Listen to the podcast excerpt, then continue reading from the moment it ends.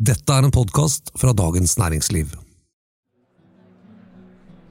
Næringslivet har rast mot regjeringen i hele fjor. Hvordan syns næringsministeren det er å komme til NHOs årskonferanse i år?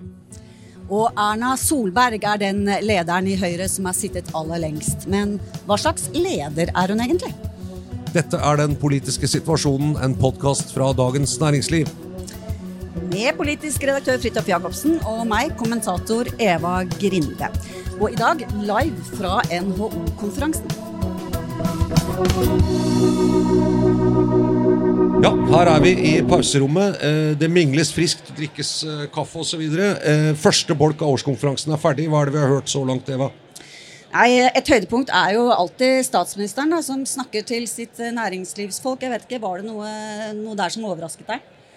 Ikke direkte overraskende, men han lovet igjen at eh, klimamålet med nasjonale utslipp på kutt med 55% skal nås innen 2030, med samarbeid mellom da stat, arbeidsliv og næringsliv. Og Det er jo et, eh, si, et vågalt løfte, tror jeg, men, eh, men de gir seg ikke på det. Nei, det gjør ikke det. I år så handler jo dette om lederskap og løsninger. Ja. Ja vel, får vi vel bare si. Hva, hva ligger i det, tror du, Fridtjof? Eh, jeg tror det er en grei paraply for å kunne snakke om mye forskjellig. Ja, det tror jeg. Det tror jeg også. Eh, Det er en tradisjon her på årskonferansen for at man har litt sånn overgripende temaer. I fjor var det uro. Det har vært neste trekk, har det hett et år. En ny verden. Læringslivet het et Ja, det er min og- favoritt. Læringslivet. ja, min favoritt er verdien av arbeid. Ja. Ja.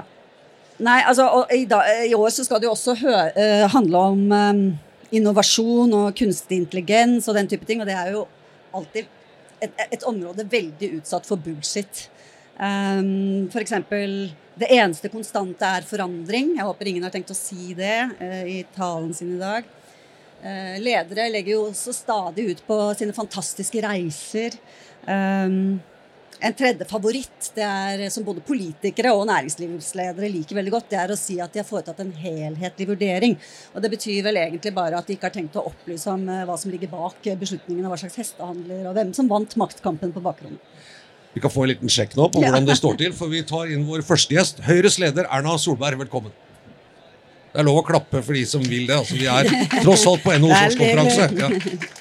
Takk skal du ha. Ja, altså ledere driver jo eh, ikke bare med bullshit. De har jo også en god del eh, makt. Og Derfor så skal vi jo da ønske velkommen til eh, en av Norges aller mektigste politikere. Høyre-leder Erna Solberg. Og jeg bare lurer på eh, Aller først, du Ja. hadde noe du lurte på? Jo, jeg bare før vi går i gang Vet du hvilken partileder i Norge som har sittet lengst etter krigen? Nei, er det ikke Carl I. Hagen? Satt i 28 år. Ja. Hvordan syns du det gikk? Eh, ja, han sier jo selv han gikk av på topp for Frp, da, så ja. Jeg var politisk uenig med han, men eh, Og opplevde han som en vanskelig konkurrent. Hvis du skal slå Carl I. Hagen, så må du sitte til over 2032. Er du motivert? Jeg har vel innsett at selv om jeg er for lengre, altså å øke pensjonsalderen i Norge, at folk skal stå i arbeid, så tenker jeg at eh, i, søt- i 32 så er jeg 71 år, og vi ikke, jeg tror ikke jeg kommer til å være partileder da. Men, eh, nei, nei, selv om jeg mener at vi skal øke aldersgrensen, så tenker jeg at det kan være at det er på tide å, gjøre noe annet som en eh, ja, Finne en annen måte å bruke energien på. 2031, det, da er du 70. Det er vel da man skal gå av omtrent. Ja, ja det er det. Tonje Brenna mener du kan sitte til 70, 32, tror jeg faktisk. Altså, Vi mener egentlig at vi skulle ha avgangsalder på 72. Dette er jo et av de standpunktene som Høyre har som er, eh, er upopulært hos alle i arbeidslivet. Eh, bortsett fra de som har lyst til å jobbe og har energi til å jobbe, som opplever at eh, det er vanskelig. Og for samfunnet så er det jo viktig at folk jobber lenger. Men du, vi skulle snakke om deg som Ja, ja. leder. Eh, partiorganisasjonen din, hvorfor er den så såre fornøyd med deg på toppen?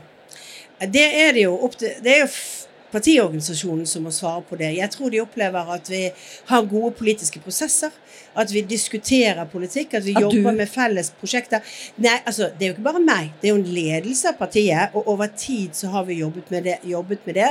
Og jeg tror at det, det er viktig for altså, En ting er at vi er konservative, så derfor ikke vi får brå forandringer. Men det er også å lede i et politisk parti er å lede også frivillighet. Og det tar lengre tid å, gjøre, å lede enn det gjør å lede en linjeorganisasjon. Så vi har to deler når du er leder, og det er å skjønne at vi leder frivillighet. Vi leder masse mennesker som faktisk stiller opp for politikken og samfunnet vårt uten å få omtrent noe som helst betalt for det. Og da ikke kan bruke så mye tid på all omstillingen. Da betyr det også at du tar, går stegvis frem. Men det med at Høyre er konservativt, det, det holder seg vel ikke sånn helt historisk. Det har vel vært uh, hyppigere lederskifter før, som en forklaring. Men du, jeg lurer på, uh, når du ser på deg selv, hva er din sterke sider uh, som leder? Det er vel at jeg har stamina, og at jeg har engasjement. At jeg liker å bryne meg på nye oppgaver. At, og det, det, er ganske viktig. altså Jeg har en langsiktighet i det jeg gjør. Jeg vet at det er veldig enkelt i politikken å bli målt på kortsiktige gevinster, men det er de langsiktige samfunnsendringene som er viktigst. Så det er det vi holder som mål når vi diskuterer politikk. Ja, vi er for skattelettelser, vi vil gjerne ha mer av det i hvert statsbudsjett, både for næringsliv og folk, men det er det langsiktige. Det å sørge for at flere folk er i jobb, det å sørge for at folk kan bruke evnene sine, at vi har et inkluderende arbeidsliv, og at vi har en utdanning. Altså disse lange politiske prosessene som er viktige jeg har lyst til å ta deg opp på en ting du sa i den serien 'Vi som styrte landet'. For der fikk du også spørsmål om hva som er dine gode sider som leder. Og der kom du fram til at 'jeg dyrker det gode selvbedrag'. Ja. Sikkert en god frase på det. Jo da, men det er også at vi Altså jeg også mener jeg har en god egenskap på én ting, og det er Du ser bort fra de dårlige tingene ja, nei, og, og legger vekt på de gode. legge bak ting. Jeg mener det er altfor mange mennesker i vårt samfunn som husker Jeg husker godt hva som har skjedd, men som går og maler på gamle ting. Og hvis du gjør det, så kommer du ikke videre. Så jeg har en veldig god fortrengningsevne. Den er sånn, Jeg kan legge bak meg det som har skjedd. Jeg kan være veldig sint i fem minutter, og så er jeg ferdig med det. Kan denne evnen ha vært god å ha nå gjennom de siste månedene eh, gjennom aksjeskandalen? Selvfølgelig. Jeg må jo smile til noen journalister som jeg mener jeg ikke har Eller kommentatorer som jeg mener har skrevet urimelige ting. jeg er som sagt ferdig med det. Ja, Vi ser er det. Dere det? Vi ser det nå, Erna. Hva er din eh, svake side som leder? Eh, den svake siden min er sikkert at, uh, at jeg um, av og til blir for detaljorientert. Fordi jeg kan ganske mye om mange saker. Og når du har vært lenge politiker, sånn som jeg er, så har du vært med på mange runder. Og så vil Siv Jensen si at den andre svake siden min er at jeg er veldig glad i en, en, et sidespor av og til. Altså at tid, møtene kan ta litt lang tid fordi jeg har noen gode historier å fortelle på veien. Og det, for utålmodige sjeler rundt deg, så kan det være en prøvelse. Hvis historiene er gode, så ja. Det er ikke sikkert de syns de er like gode som jeg gjør, da. Skal, dette er, det er litt dårlig gjort, men du er jo god på dette selv. For jeg har spurt om dette en gang før, for mange år siden. Eh, da du hadde vært statsminister et år eller to, spurte jeg om hva var din svake side. Så sa du jeg skulle ønske jeg var litt mer standhaftig. Gjelder det fremdeles? Nei, jeg er blitt veldig mye mer standhaftig. Ja. Og det er noe du lærer, liksom, at du må holde fokuset på de langsiktige tingene. Og det, det lærte jo jeg, altså eh, så, Og så er det litt i begynnelsen så kan det være at noen Jeg fikk jo kritikk for at jeg slapp for mye de andre til av de andre partiene.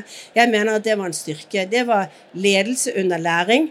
Hvis du skal sørge for å bygge over tid, så kan ikke jeg bare være Høyres leder når jeg er statsminister bare slåss for våre saker. Jeg må sørge for at de andre, uansett om det er enkeltpersoner i en regjering, eller om det er andre partier, får rom til sin politikk. Og det eh, var jeg kanskje ikke så bevisst på helt i begynnelsen, som jeg er blitt bevisst på etterpå. For det tror jeg faktisk er eh, ja, Det er det å forstå verdien av å av og til gi andre det de trenger for å klare det. Vi skal snakke litt om makt også, mm. som selvfølgelig er nært knyttet både til det å være partileder og, og politisk eh, leder begynne med litt sånn hverdagsmakt. Hvem er det som kjører når du og Sindre er på biltur? Sindre. Er det det? Ja. Alltid. Hvor, jeg, er kart, jeg, er kartleser. Det gjetter jeg på. Jeg er kartleser, og eh, det, er, det går sånn passe. For hvis du sier 'ja, bort der', det er en veldig god kartvurdering når du sitter og kjører bil og ser fremover. Jeg får litt kjeft for det. Du får kjeft. Ja, eh, altså Ledere har jo makt, og eh, psykologisk forskning viser jo at makt endrer mennesker. Det eh, endrer måten man ser på menneskene rundt seg. Blant annet så blir man mer abstrakt, overordnet, kanskje litt mindre empatisk. Litt større selvsikkerhet osv. På din lange vei fra, fra bunn til topp, holdt jeg på å si, eh, har du merket at du selv har endret deg som person? Altså Du får mer selvsikkerhet og erfaring, og føler at du kan løse mer ting. Det tror jeg alle gjør. Altså, Det er jo ingen som er som liksom blir statsminister, som er helt sikker på om de kommer til å klare å bli statsminister. Jeg var veldig bråkjekk. Når jeg ble Høyre-leder, så ble jeg spurt om, eh, om liksom jeg trodde jeg kunne være statsminister. Når jeg har sagt ja til å bli Høyre-leder, så jeg, tenkte jeg da må jeg jo kunne si det. Og så tenkte jeg at alle jenter sier ja, det håper jeg at det går fint og sånn. Så sa jeg ja, jeg har sett på de andre, og jeg tenker at jeg kan gjøre den jobben, jeg òg. Det mente jeg jo egentlig ikke, men det var jo liksom for å være litt, litt mindre dame i den typen rolle og med mindre usikkerhet. Men du får mer selvsikkerhet etter hvert. Men nå mener du det? Ja, altså jeg har vært i åtte år, og meningsmålingene tyder på at folk syns at det ikke var så verst. Du har vært her i dag, eh, og du har jo stått på denne hovedscenen mange ganger eh, som statsminister og snakket i NHOs årskonferanse. Nå er det Jonas Gahr Støre som gjør det. Kjenner du at du er misunnelig? Savner du makten? Ja. Personlig? Det må jeg. Ikke personlig, men ja. Altså, jeg savner jo noen arenaer som en statsminister har for å kunne snakke helhetlig om politikk. Hvor vi ofte blir bedt om å komme og kommentere i opposisjonen enkeltbiter og annet. Men statsministeren får litt flere arenaer å snakke om helheten i politikk. Jeg syns Jonas holdt en god tale i dag. Det var et par ting jeg mente han burde ha snakket om. Jeg skjønner at han, hvor vi er politisk uenige. Men, men, eh, men jeg syns han holdt en god tale. Og jeg Eh, og, det, og, du kan jo alltid misunne det, så må du finne dine egne arenaer for å gjøre det. Synes du det er, Hvor viktig er det for en leder å være en god rollemodell? Og syns du medier og opposisjonspolitikere sånn maser for mye om det? Nei, jeg mener det er viktig å være en god rollemodell. Men det er også viktig å erkjenne at også folk som er flinke på mange ting, kan gjøre feil. Og eh, late som om vi er feilfrie, det tror jeg vil være en dårlig rollemodell. Det som dreier seg om å være god rollemodell, dreier seg også om å erkjenne de feilene man har gjort. Ja. Du forklarer jo din fortsatte posisjon i, i, i, Høyre med at partiet støtter deg og velgerne støtter deg. Er det det eneste som trengs for å være en god leder? Altså at folk som maktbasen din eh, er på din side?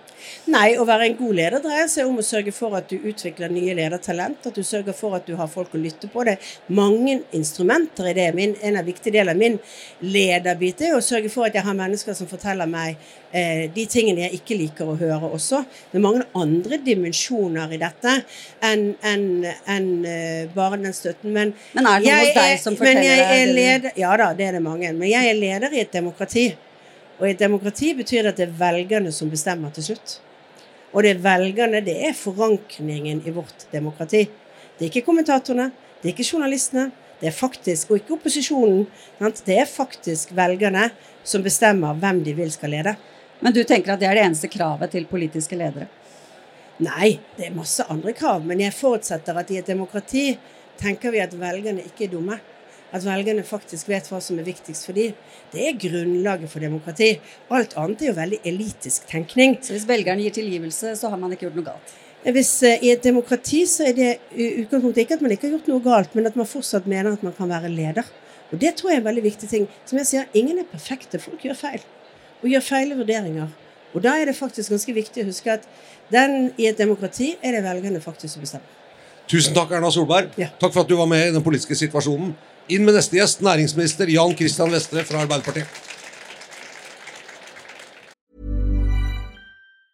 If you thought the only way to get a more defined jawline with natural looking results was through surgery, think again. Juvederm Volux XC is a non surgical injectable gel filler that improves moderate to severe loss of jawline definition and can help you achieve natural looking results with little downtime. Even better, this improved definition lasts up to one year with optimal treatment. No maintenance required. Improve jawline definition for a smooth, sculpted look with Juvederm Volux XC. For important safety information and to find a licensed specialist, visit juvederm.com. That's J U V E D E R M.com. Not for people with severe allergic reactions, allergies to lidocaine, or the proteins used in Juvederm. Common side effects include injection site redness, swelling, pain, tenderness, firmness, lumps, bumps, bruising, discoloration, or itching. There's a risk of unintentional injection into a blood vessel, which can cause vision abnormalities, blindness, stroke, temporary scabs, or scarring. Talk to a licensed specialist to find out if it's right for you.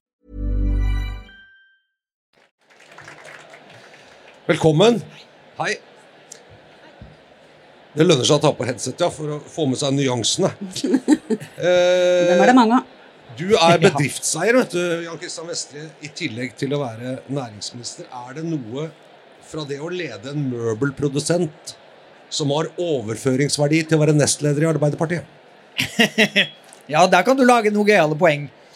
Men eh, ledelse er jo stort sett veldig mange av de samme elementene, da, tror jeg, uansett om det er i politikk eller næringsliv eller idrett eller frivillighet eller kirka eller i eh, samfunnslivet for øvrig. Det handler om å se folk, få laget til å virke, evne å sette noen store mål og få folk med på det målet, og så gjennomføre det en har sagt en skal gjøre. Og det er ganske likt om du er i Næringsdepartementet eller om du er i en eh, mellomstor familieeid bedrift i Norge. Det er jo en sterk tradisjon som du sier i Arbeiderpartiet for at møbelhandlere eh, engasjerer seg i partiets indre liv. Ja. Er det sånn du Med ulikt hell, vil jeg si. Ja, Du manøvrerte deg jo helt inn som nestleder i partiet. Det er godt gjort. Er du den nye arvedengen, rett og slett? Eh, nei, men altså, vi har jo både, både Jessheim og møbelindustrien er jo nå representert, og det har vi jo prøvd før. Og Så får vi se hvordan det går eh, denne gangen, men vi er i hvert fall veldig toppmotivert. Begynner det nye året med veldig mange spennende prosjekter, og gleder oss til alt det det har å bringe. Du er jo sjefen over alle næringslivssjefer. Eh, Hvem er den beste lederen i Norge? Det er ikke så lett å si, fordi det er mange flere. Nei, det er mange av dem, men det er de som evner å se flokken sin. Altså, Jeg har levd 37 år snart, så jeg er ikke den som har lengst erfaring. Men jeg, livet har lært meg én ting, og det er at det er veldig sjeldent enkeltmennesker som oppnår resultatene. Det er fellesskapet. Og når en klarer å trekke i samme retning og få alle med og mobilisere for et mål, det er da man får til noen ting. Så ledere i næringslivet som klarer å få til det, de lykkes gjerne best. De har best lønnsomhet, de når målene sine raskest, og de er mer attraktive arbeidsgivere. Og Du er jo også nestleder i eh, partiet Arbeiderpartiet. Er det liksom mer sånn honorært verv, eller følger det noe reell makt med? Makt og makt er jo innflytelse eh, og et fantastisk privilegium både for å sitte i regjering og være med å styre Norge hver eneste dag, men også selvfølgelig være sentralstyre i Norges eh, største parti. Det er ærefrykt, og det er mye arbeid. Og det er viktig, selvfølgelig, fordi at vi har veldig mange reformer vi nå skal gjennomføre. Vi styrer Norge gjennom en krevende tid, både hjemme og ute. Og så er det ikke så altfor lenge til eh, valgkampen setter i gang, og det valget har vi pinadø tenkt til å vinne. Hva var det siste hvor du brukte den innflytelsen til å trumfe noe gjennom partiets sentralstyre eller regjering? Nei, men Det er ikke sånn vi holder på. Vi finner gode løsninger. Vi eh, diskuterer gjerne så det er høyt energinivå i rommet. Men det er liksom ikke sånn at én del trumfer igjennom eller presser noen andre til å gjøre noe annet. Altså Det handler om å finne samlede løsninger, og det gjør vi også i partiet. Men det har vært krevende tider. Dårlig valgresultat. Eh, mye fokus som har tatt eh, oppmerksomhet bort fra politikk. Veldig mange som har meninger om Arbeiderpartiet, hva vi gjør feil, hva vi gjør riktig, hva vi skal gjøre annerledes. Og så er vi jo på jobb hver eneste dag, da, også for å styre Norge.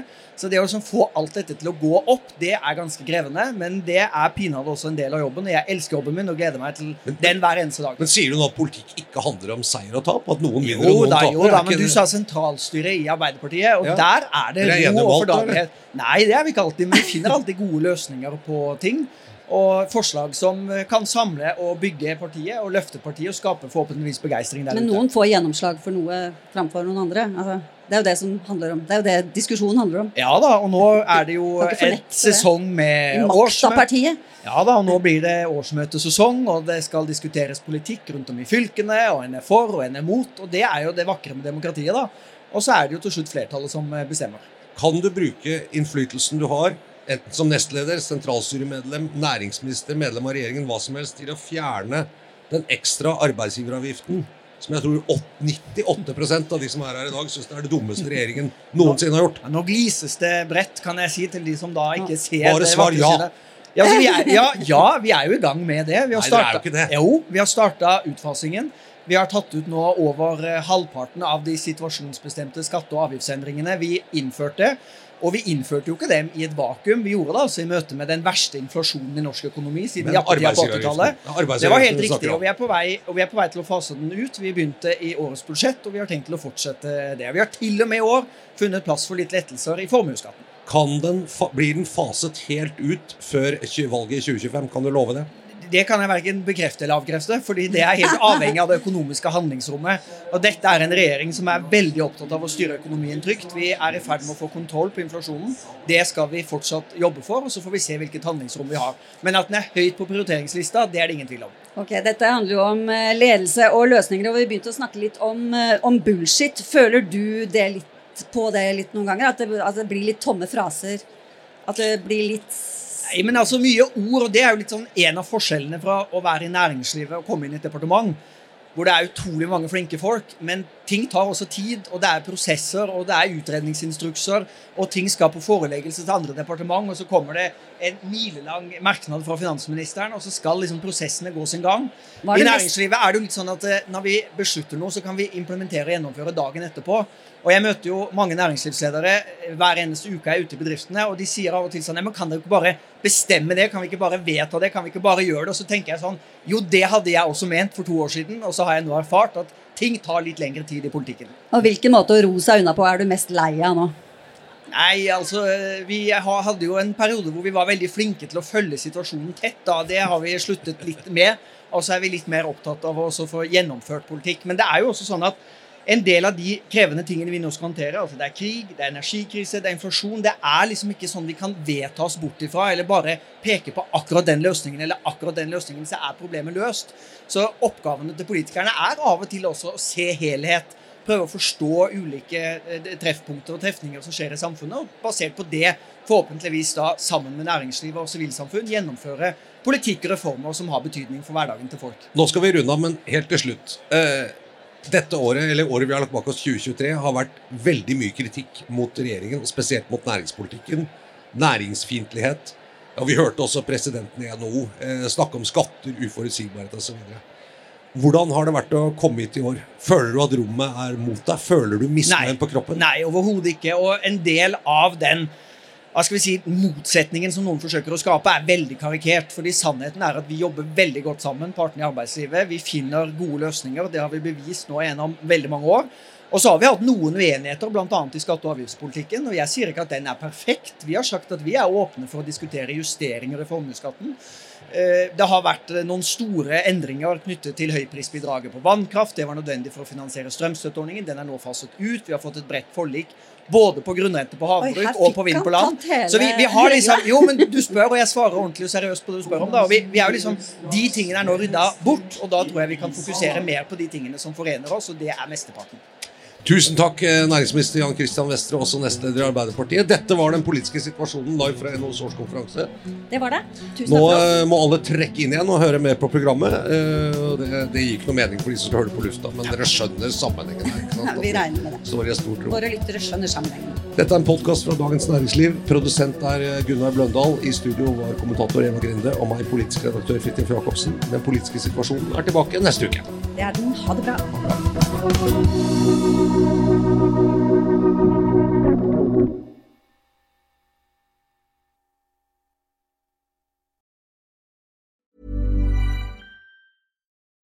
Join us today during the Jeep Celebration event. Right now, get 20% below MSRP for an average of 15178 under MSRP on the purchase of a 2023 Jeep Grand Cherokee Overland 4xE or Summit 4xE.